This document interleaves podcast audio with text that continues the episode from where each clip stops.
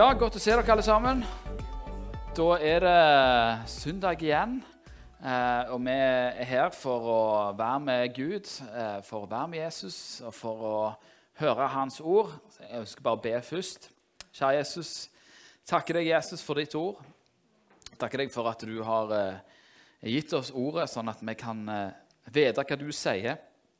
Vite hva eh, Bli kjent med hvem du er. Eh, og for, oss, for å vite Herre, hvordan vi skal leve livene våre, eh, og hva som er sannheten om deg og om den tilværelsen vi lever i. Amen. Eh, vi har vært inne nå i eh, Eller vi, vi, holder på dette halve året eh, med å eh, snakke om eh, å bli likedanna med hans sønns bilde.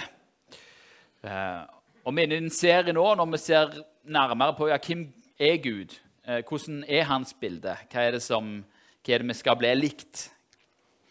Eh, så Vi skal se på fire sider med hans karakter. Vi begynte forrige uke med å utforske Guds hellighet. Vi så at Gud er en hellig Gud eh, som, som ikke noe syndig kan være i nærheten av, men at han har tilveiebrakt en vei for oss, sånn at vi òg kan bli dratt inn i hans hellighet. I dag skal vi se på Guds rettferdighet. Gud er rettferdig. Og Jeg skal begynne med en, eh, jeg skal begynne med en eh, veldig poetisk framstilling av Guds eh, rettferdighet, som er Moses når han mot slutten av sitt liv han holder en tale eh, for, for israelsfolket før han skal dø. Og Helt mot slutten av denne talen så går han inn i poesi. Han begynner å synge omtrent. Og, og framfører da denne, denne, poetiske talen eh, der han karakteriserer hvem Gud er. Han sier, 'Lytt, dere himler, og jeg vil tale.' 'La jorden høre på min munns ord.' 'La min lære risle som regnet, og mine ord dryppe som duggen.' 'Som regnskur på grønne spirer, som regnbyger på urter og gress.' For Herrens navn vil jeg forkynne. Gi vår Gud ære klippen. Fullkomment er hans verk, for rettferd er alle hans veier. En trofast Gud uten svik, rettferdig og rettvis er han. Det er den Gud som vi tilber. Nå, Hvis du eh, er med barn et par dager, så vil du ganske fort oppdage at barn har en særdeles velutvikla rettferdighetssans. Jeg vet ikke om du har opplevd det, dere som har barn. Setninger som 'Det er feigt', eller 'Det er urettferdig', eller 'Alltid får hun lov til', eller 'Hvorfor får han lov'?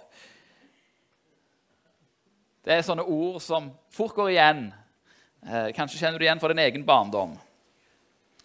Hvor mye snop man får, hvor lenge man får være våken på kvelden, hvor mye tid du får bruke på iPaden. Det er bare noe det jeg har observert uh, denne sommeren blant nevøer og nieser. Regelen er jo selvfølgelig at alt skal være likt, uh, og så blir, uh, blir man frustrert da, hvis alt ikke er likt. Og så har det noe med alderspoeng òg. Det er noe sånt òg greier. Altså, hvor mye lenger jeg, altså, kan jeg være oppe enn min lillebror, som er fire år yngre enn meg, og sånne ting. Det, det, alt det skal være likt. Det sitter en sånn ryggmargsrefleks hos oss alle. Og det er en gave gitt av en Gud som er rettferdig, til å stå opp imot urett. Eh, og så skal det sies da at denne rettferdighetssansen ofte slår inn hos meg når jeg blir urettferdig behandla. Har dere lagt merke til det? Man legger kanskje ikke så mye merke til når man sjøl får mer enn andre. Men når man får mindre enn andre, da slår plutselig rettferdighetssansen inn. Eh, og Det handler jo litt om vår eh, tilbøyelighet. Vi ser ting fra vårt perspektiv. Eh, og så er vi ikke alltid like flinke til å se ting fra andres perspektiv. Men er Gud rettferdig, da? Nå kan vi stille spørsmålet. Nå har liksom erklært, Moses erklært at Gud er rettferdig. Men hvordan er Gud rettferdig? Og Det er et av de spørsmålene som veldig mange stiller, og som mange eh, påstår at Gud ikke er. Og som er grunnen til at de ikke kan tro på Gud, eller som ikke vil at de vil tro på Gud. For at, eh, Hvordan kan Gud være rettferdige? Bare se på oss her i Norge. Her har vi mat, vi har trygg regjering, vi, eh, vi, har, eh, vi har hus, vi har strøm. Vi har veldig mye av det man kan ønske seg eh, som man ikke har andre plasser. Hvorfor får eh, Altså Hvorfor har vi overflod og frihet, mens i Nord-Korea sitter det en despot som undertrykker folket sitt? Og i resten av verden så er det òg eh, så som så eh, med ting. Hvor er rettferdigheten i det? Hvorfor tillater du Gud at noen har det sånn, mens andre har det sånn? Men òg her i Norge så er jo ikke alt likt. Hvorfor kan jeg stå her frisk og rask, mens andre må leve med sykdom? Hvor er rettferdigheten i det? Så er det sånn at eh, vi kan spørre oss sjøl hvor er din rettferdighet, Gud? Og Bibelen sjøl stiller spørsmålet er Gud virkelig rettferdig. Det fins faktisk en hel bok i Bibelen som handler om nettopp dette spørsmålet er Gud rettferdig. Det er Jobbs bok. Gå hjem og les den. Tenk på den, grunn litt. Tenk, eh, Bli utfordra. Bli provosert. Gud tåler det spørsmålet om han er rettferdig. For å forstå Guds rettferdighet og for å forstå hvordan han iverksetter sin rettferdighet, så eh, må vi òg skjønne ei annen side med Gud. Vi skal se på disse tre sidene av Guds rettferdighet. Gud er rettferdig fordi han straffer urett gjort mot deg. Gud er rettferdig fordi han selv gjør rett. Og Gud er rettferdig òg når han straffer din urett. Men for å forstå litt av hva Guds eh, rettferdighet går i, så må vi se litt nærmere på en, en annen av hans sider, som er hans langmodighet, eller tålmodighet. Men langmodighet er et bedre ord fordi det beskriver noe om noe som skjer over veldig lang tid. Um, når Moses spør Gud om å få se hans ansikt og, å komme helt nær Gud, så det er et veldig sånn ja, fantastisk eh, En fantastisk scene, egentlig. Og så sier eh, Det snakket vi litt om forrige gang. og Så sier Gud at eh, du kan ikke se mitt ansikt, men jeg skal gå forbi deg, sånn at du ser min rygg, på en måte. Men du kan ikke se mitt ansikt og leve. Og Da står det da at i 2. Mosebok 34, 67 at Herren gikk forbi hans ansikt og ropte, Herren, Herren er en barmhjertig og nådig Gud, langmodig og rik på nåde og sannhet. Han lar miskunn vare gjennom tusen ledd. Han forlater misgjerning, overtredelser og synd. Men han lar ikke den skyldige være ustraffet. Han hjemsøker fedres misgjerning på barn og på barnebarn inntil tredje og fjerde ledd. Når dette her ordet langmodig Hele dette verset sier veldig mye om hvem Gud er og hans karakter. Vi skal fokusere mer på hans nådighet og hans nåde og hans sannhet og hans kjærlighet eh, og hans barmhjertighet eh, i de neste gangene. Men det at han ikke lar den uskyldige være ustraffa, det er et viktig poeng ved Guds rettferdighet. Han lar ikke den skyldige være ustraffa. Og ofte så synes vi jo det. Sant? Kim Jong-un, når skal han bli straffa?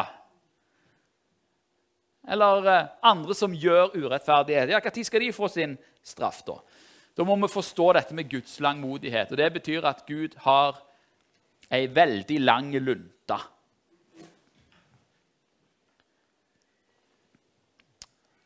Og dette viser seg gjennom hele Bibelen. Hvis du ser i 1. Mosebok, kapittel 15-16, da, da har Abraham en drøm. Eh, og der han får se på en måte framtida til folket sitt, til det folket han skal bli far til. Eh, og Så sier Gud til han at i, i det fjerde slektsleddet skal de komme tilbake her. Så sier han at de skal være vekk i Egypt. Eh, men i det fjerde slektsleddet skal de komme tilbake her.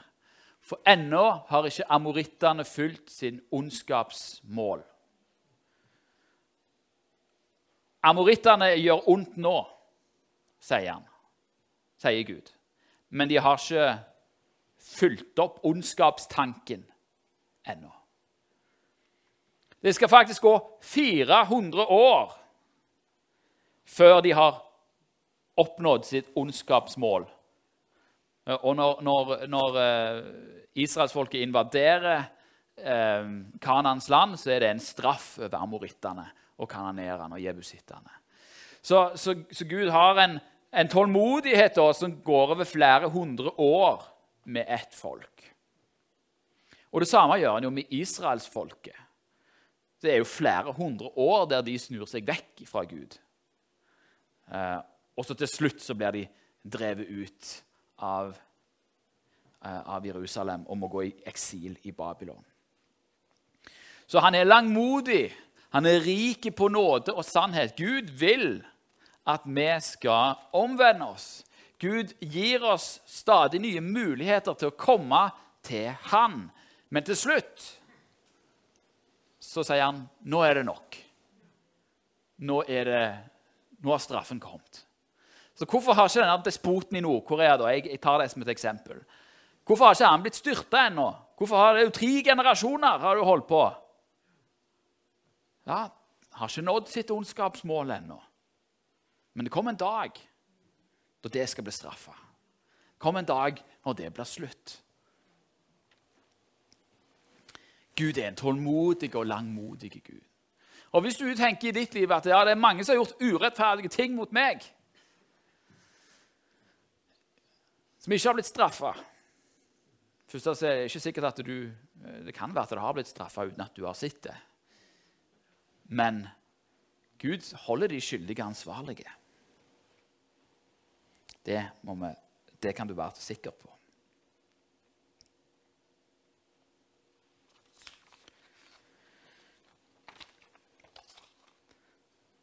denne, denne innstillingen og den, at Gud er sånn, det viser også i åpenbaringsboka. Åpenbaringen ble skrevet i ei tid der det var masse forfølgelse av de kristne. Eh, og Det ble skrevet i en sånn der mange mister livet fordi de tror på Jesus. Det var ulovlig å tro på Jesus. Bare det å være kristen var døds... Altså, da var det dødsdom, da, hvis du bekjente deg som kristen. Og I Åpenbaringen 6,9 så kommer man inn i dette, om det kommer inn for Guds trone. Og Så får Johannes se, se der. Og Da står det at, at da lammet åpnet det femte seilet, så jeg under alteret deres sjeler som var blitt slått i hjel for Guds ords skyld og pga. det vitnesbyrd som de hadde. De ropte med høy røst og sa, 'Herre, du hellige og sannferdige.' Hvor lenge skal det være før du holder dom og hevner vårt blod på dem som bor på jorden? Her ser du spørsmålet. Gud, når skal du komme med din rettferdighet? Straffe de ugudelige, straffe de som har tatt livet vårt. Så står det at det ble gitt hver av dem en lang, hvit kappe, og det ble sagt til dem at de skulle slå seg til tåls ennå en liten stund inntil tallet på deres medtjenere og brødre var fullt. De som skulle bli slått i hjel, like som de sjøl. Akkurat som det er et sånn ondskapsmål. Gud har overbærenhet og tålmodighet og tålmodighet, og tålmodighet, og han gir sjanser og gir sjanser og sjanser. Men til slutt så straffer han. Til slutt så straffer han.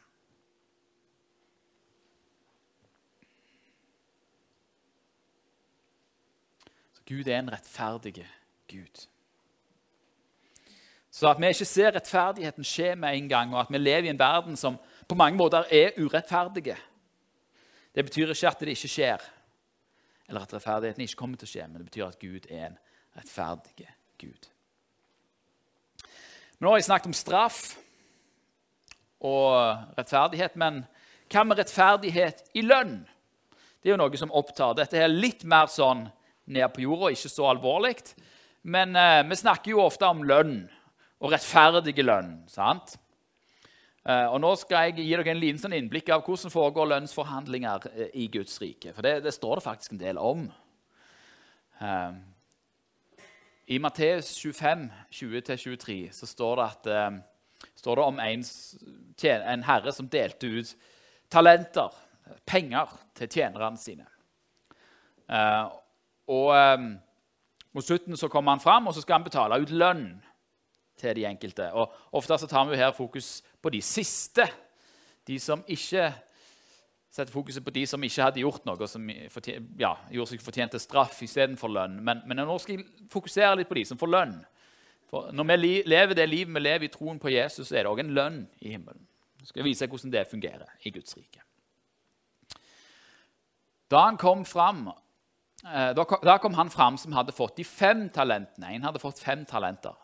Han hadde med seg fem talenter til og sa, 'Herre, du ga meg fem talenter, så jeg har tjent fem talenter til.' Hans herre sa til ham, 'Vel gjort, du gode og tro tjener.' 'Du har vært tro over lite, jeg vil sette deg over meget.' 'Gå inn til din herres glede.' Så kom han fram som hadde fått de to talentene, og sa, 'Herre, du ga meg to talenter, så jeg har tjent to talenter til.' Og Hans herre sa til ham, Vel gjort, du gode og tro tjener. Du vært tro over lite, jeg vil sette deg over meget. Gå inn til din Herres glede. Hva er det som slår oss her? Jo, det er at belønningen som disse får, er akkurat like. Den ene har jo tjent fem, men den andre har tjent to. Men grunnen til at de, de har eh, begge blitt belønna med den samme belønningen er at den ene hadde jo, hadde jo, fått fem, mens den andre hadde fått to. Så det vil si at Gud gir deg belønninger ut alt etter hva du har fått. Ut ifra dine omstendigheter. Hva var du i stand til å gjøre? Sant? Gud krever mer av de som han har gitt masse. Jeg, jeg tenker på mitt liv. da. Jeg, jeg har foreldre og besteforeldre på begge sider som har vært frelst. Så jeg har fått ganske, en sånn ganske god opplæring. Kreves mer av meg, kanskje. Sant? For at jeg skal få den samme belønningen som kanskje noen andre som, som ble frelst, som ikke kom fra en frelst hjem, eller som ble frelst eh, når de var eldre. Er dere med? Alle kommunistene må jo kjenne at å, dette her er det verste de, sant? fordi at det, Gi etter evne og få etter behov. Sant? Det er sånn kommunistsnakk. Men det er en annen lignelse som er i Lukas. Omtrent samme lignelsen, men han har en liten vri.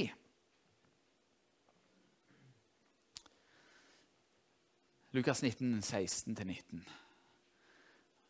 Da er det ti tjenere som har fått ett pund hver. Altså, de har fått det samme så står det, Den første kom da fram og sa, 'Herre, ditt pund har kastet av seg ti pund.' Og han sa til ham, 'Godt, du gode tjener.'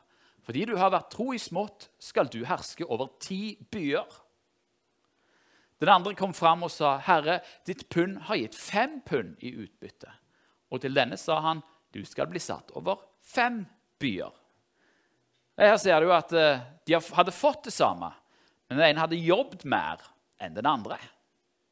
Og her kommer alle kapitalistene og kjenner å, dette, dette er et godt vers til oss. Innsats lønner seg. Ser dere hvordan Gud er rettferdig? Han gir både ut ifra din evne og i forhold til din innsats. Den som har gitt hele livet sitt til Jesus og alltid har vandra på hans vei, han får stor lønn i himmelen. Sånn er det.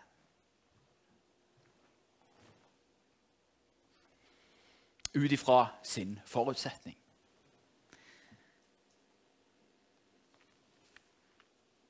Og så har vi en eh, som, eh, der det handler om eh, gårdsarbeidere som har vært Der er det en, en, en som har en vingård. Han går ut og leier gårdsarbeidere. Og så går han ut i begynnelsen, og så går han ut ved den sjette time og ved den niende time. Og til slutt så går han ut ved den ellevte time. Da er det bare én arbeidsdag igjen den, eh, på Jesus' i tid. Hm? Én time igjen. Ja. Å ja, så er én dag igjen. Ja, Da er det bare én time igjen, ja. Han gikk i den ellevte time. Da er det bare én time igjen av arbeidsdagen.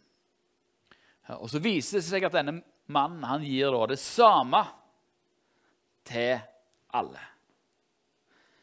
Um, og så kan vi jo spørre hvordan kan det være rettferdig, da?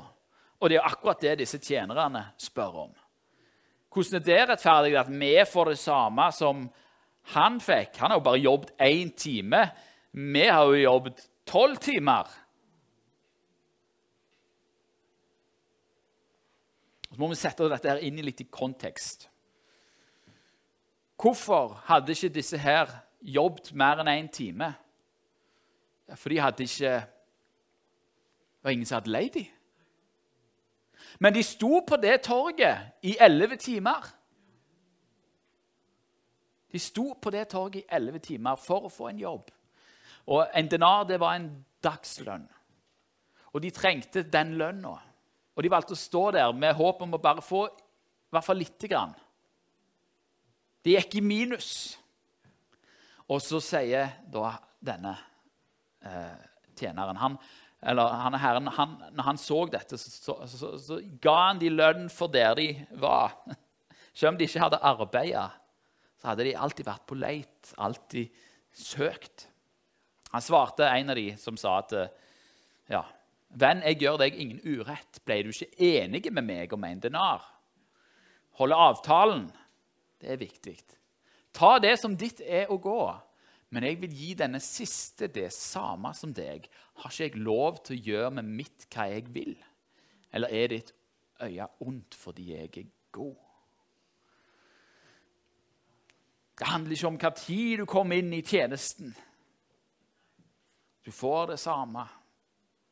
Og her er det jo Hva er da det samme? Jo, det er Vi får uh, vi får lov til å komme til himmelen, vi får lov til å bli kalt Guds barn. Vi får lov til å bli hans sønner og døtre. Og selv om det kan være forskjell i lønn og arv, og alt mulig, så er det det samme. Uansett hva tid du kom. Det er likt for oss. Det er grunnlønnen. Det er den samme. Gud er ikke kapitalist. Han er ikke kommunist. Han er rettferdig. Gud er rettferdig. Han er rettferdig når han gir lønn. Han er også rettferdig når han straffer. Men vårt store problem, da, egentlig, er jo ikke at Gud straffer de andre. Vi vil jo gjerne at Gud skal straffe de andre, de som har gjort urett mot oss. Det hadde jo vært fint, sant? Problemet er jo det at hvis jeg vil at, en, hvis jeg vil at Gud skal være rettferdig, så inkluderer jo det òg meg. Mitt problem er jo at jeg ikke er rettferdig. Som eh, Paulus sier når han siterer Romerbrevet kapittel 3. Nei, altså i Romerbrevet kapittel 3. Han siterer Salme 14 og 53. Og Så sier han at det, det er ikke én rettferdige. Ikke en eneste. Det er ikke én som er forstandige, det er ikke én som søker Gud. Alle har vekt av. Alle sammen er blitt udugelige. Det er ikke noen som gjør det gode, ikke en eneste. Det er jo på, på dette punktet at eh, kristen verdensforståelse og selvforståelse skiller lag med mye av verdens selvforståelse. For i verden så sier man ofte at ja, men han er jo god på bunn. Sant? Han er jo egentlig god, det er bare omstendigheter som har gjort at han er fæl, eller at hun er fæl, eller har, har gjort fæle ting. Og Så prøver man liksom å ja, For å få orden på de tingene, så vil alt gå bra.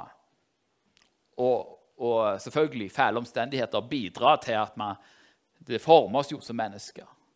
Men på bånn, i grunnen, så er ingen rettferdige. Vi er ikke gode. Vi er ganske sjølopptatte. Eh, apropos denne her sjølrettferdigheten. At det er feigt og det er urettferdig og nei og jeg vil gjøre sjøl. Alt som ungene sier. Det, det, det, er jo, det, er jo, pur egoisme. Og, så, og, og, og med, med så, så skylder man ikke ungene for det, for de er jo født sånn. Vi er jo født inn i en sånn verden. Vi er sånn, dessverre. Eh, men det er jo et stort problem. For hvis jeg vil ha rettferdighet, så gjelder det òg meg. Og det, det er dårlig stelt for en som meg. For jeg har ikke bare vært rettferdig, og ikke har jeg vært bare gode heller. Apropos langmodighet, det har jeg i hvert fall ikke hatt.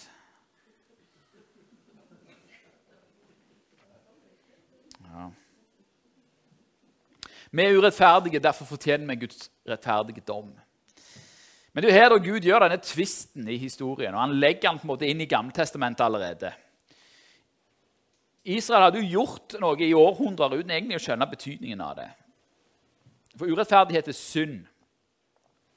Og boten man må betale for synd, er døden. Man må bøte med livet, som det står. Eller som er liksom, Det å bøte med livet, det er det er å betale boten med sitt eget liv. Men gjennom Gammeltestamentet hadde Gud erklært den rettferdige som ofra et dyr for sin synd. Gjennom dyrets død så erklærte han boten for betalt. Men dette er jo en dårlig ordning, for man måtte stadig ofre dyr uten at det egentlig hjalp på samvittigheten. Men vendepunktet i historien er når Gud sjøl helt uventa blir et menneske i Jesus Kristus for å betale prisen for våre synder. Gud, som er rettferdige, viste hva rettferdighet var. Han viste hvordan man skulle leve et rettferdig liv. Og det gjorde han i Jesus Kristus. Da viste han hvordan rettferdighet ser ut. Jesus levde ikke for seg sjøl eller sin egen ære. Han levde for andre. Han levde for å adlyde Gud i ett og alt for å elske mennesker, helbrede mennesker, tale sannhet, tale rettferdighet. Og kritisere et system og en verden som ikke var rettferdige. Det er òg en del av jobben vår. Gjennom hans død så ble Guds rettferdige straff over synd tilfredsstilt. Og Gud kunne samtidig erklære menneskeheten for rettferdiggjort i Kristus. For det er ingen forskjell, sier Paulus i Romerbrevet 3. Romerbrevet er jo liksom selve brevet som tar opp Guds rettferdighet og Guds rettferdiggjørelse. Det er ingen forskjell. Alle har synda og mangler Guds herlighet. Og de blir rettferdiggjort, altså gjort rettferdige, frikjent, for ingenting av Hans nåde ved forløsningen. Det vil si, forløsning det er hvis en slave hadde en, en Så blir du forløst, altså du blir frigjort. Forløsningen, eller frikjøpt. Ordet 'frelse', det ordet vi bruker for frelse, det kommer fra det norrøne 'frihalsa', som betyr å ta av eh, den, den slavelenka. De ble rettferdiggjort for intet av Hans nåde ved forløsningen i Kristus Jesus. Ham stilte Gud til skue i hans blod som en nådestol ved troen, for å vise sin rettferdighet. Gud la straffen, Gud straffa menneskeheten med å legge hele straffen på Jesus. Fordi han i sin der kommer det igjen, i sin langmodighet, han hadde tålmodighet, han hadde båret over med de syndene som var gjort før. Og ved dette så ville Gud vise sin rettferdighet i den tiden som nå er, sånn at han kunne være rettferdig og rettferdiggjøre den som har troen på Jesus. Altså, Jesus, Gud er rettferdig, og han straffer synd. Men det geniale er at han, Gud har tatt straffen for, for menneskenes synd. Han har betalt den sjøl med sitt eget liv i Jesus Kristus. Sånn at alle synder som vi har gjort, det er betalt. Det er betalt. Er ikke det fantastisk? Det er her det er lov å si amen. Ja. Gud har betalt straffen. Og Det betyr at jeg, når jeg feiler, og det gjør jeg stadig vekk, så har jeg en plass å komme til med den dårlige samvittigheten, med alle ting, jeg kan legge det fram for Jesus. Og så kan jeg si, 'Herre, jeg trenger din tilgivelse.' Så vet jeg at det holder, for det holder i tid og evighet for alle mennesker. Gud er rettferdig, og gjennom Jesus så har jeg blitt rettferdig. Selv om jeg egentlig ikke er rettferdig. Det er den geniale tvisten i evangeliet.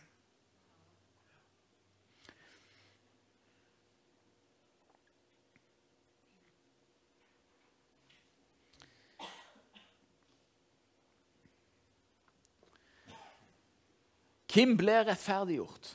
Hvem får del i denne rettferdiggjørelsen? Du vet Kim Jong-un i Nord-Korea. Jesus har betalt for alle hans synder. Han kan bli frelst. Hvis han legger Det kan godt at han må stå til ansvar altså, for alt han har gjort. Men han kan faktisk bli frelst. Det går an. Men hva er veien til det? Jo, det er Han kan rettferdiggjøre den som har troen på Jesus. Hva betyr det å ha troen på Jesus? Hva er veien til troen på Jesus? Jo, Jesus sjøl forteller en lignelse som viser forskjellen på den som er rettferdig, og den som ikke er det. Og Den lignelsen finner man i Lukas 18, 9-14. Den har ikke jeg satt opp der. Dere kan nok finne den fram sjøl. Eh, så skal jeg lese den for dere. Lukas 18. Det tror jeg var femte gang. Jeg tror jeg vi setter den der. Ikke alt som går på skinner her oppe på scenen ennå. Kommer etter hvert. Lukas 18.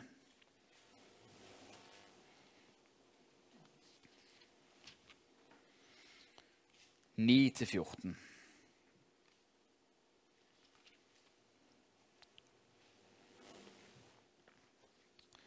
Han fortalte også denne lignelsen til noen som stolte på seg selv at de var rettferdige, og foraktet de andre. To menn gikk opp til tempelet for å be. Den ene var en fariseer, og den andre en toller. Fariseeren sto for seg selv og ba slik.: Gud, jeg takker deg fordi jeg ikke er som andre mennesker, røvere, urettferdige, horkarer eller som denne tolleren. Jeg faster to ganger i uken og gir tiende av alt jeg tjener. Det er han som vil fortjene en plass, som ser ned på andre. Men tolleren sto langt borte. Han ville ikke engang løfte øynene mot himmelen, men slo seg for sitt bryst og sa:" Gud, vær meg synder nådige. Jeg sier dere, denne gikk rettferdiggjort hjem til sitt hus, ikke den andre. For den som opphøyer seg sjøl, skal fornedres. Den som fornedrer seg sjøl, skal opphøyes.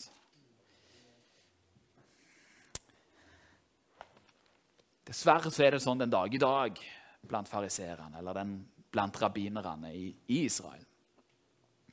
De vet om hvordan deres morgenbønn er. Hva mennene ber. Takk, Gud, at du ikke gjorde meg til en hedning, til en slave eller til en kvinne.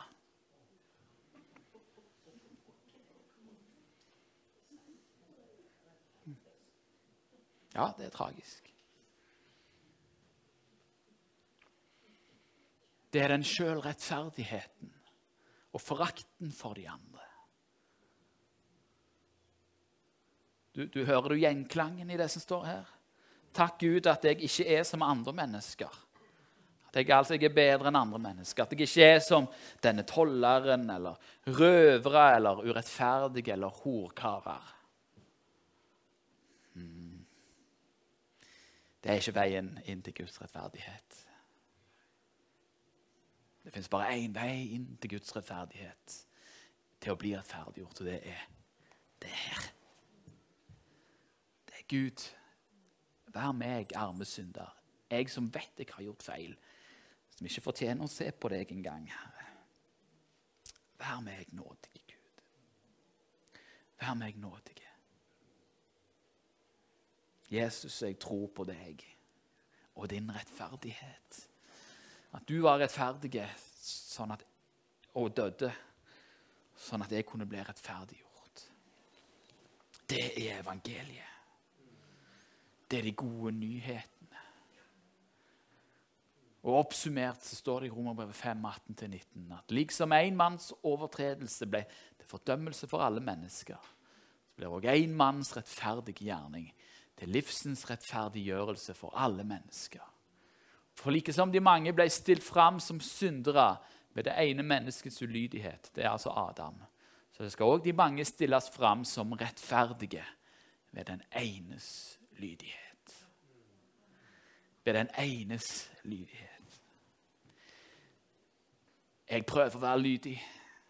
Jeg ønsker å være lydig. Jeg får ikke alltid til å være lydig. Men jeg står ikke på mitt eget verk. Jeg står på det verket som er Jesus Kristus. Det er derfor jeg kan stå her. Jeg er ikke verdt å stå her. Jeg husker når at eh, Gud kalte meg ut og sa ok, nå, nå er det på tide å reise ut som forkynner.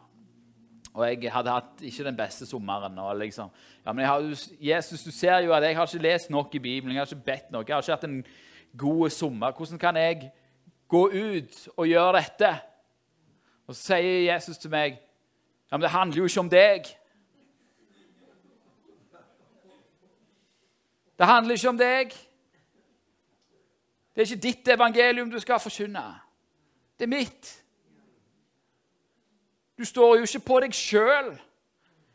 Du står på meg. Det er han som er klippen.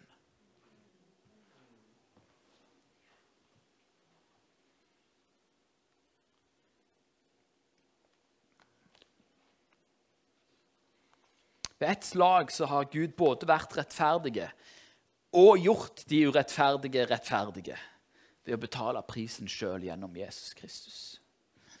Ikke tvil på at Gud er rettferdig. Og, og, hvis du tviler, gå og les Jobbs bok, les hele Bibelen. Kjemp med disse spørsmålene. Det er lov å stille spørsmål, det sier jeg alltid, for det fins svar. Alt skal gjøres opp. Ikke tvil på det. Men ikke tvil heller på at Gud er nådig. For det er det temaet som vi skal ta opp neste gang, at Gud er nådig. Men han er òg rettferdig. Og tenk da at Gud var rettferdig, dømte oss til døden i Jesus Kristus. Så ble vi oppreist igjen. Det er det vi gjør når vi døyper, vet dere. Jeg er død med Kristus. Jeg, ble, jeg, jeg blir straffa i det øyeblikket jeg blir døpt. Jeg blir døpt til Kristus. Jeg dør sammen med Jesus, så blir jeg reist opp med ham. Sånn at jeg kan stå frikjent, rettferdiggjort. Prisen er betalt. Halleluja. Skal vi lese en, litt til en, en salme som, som hyller Guds rettferdighet? Det er Salme 145. Skal vi lese fra vers 17 til 21. Og Det vil være avslutningen for denne talen i dag.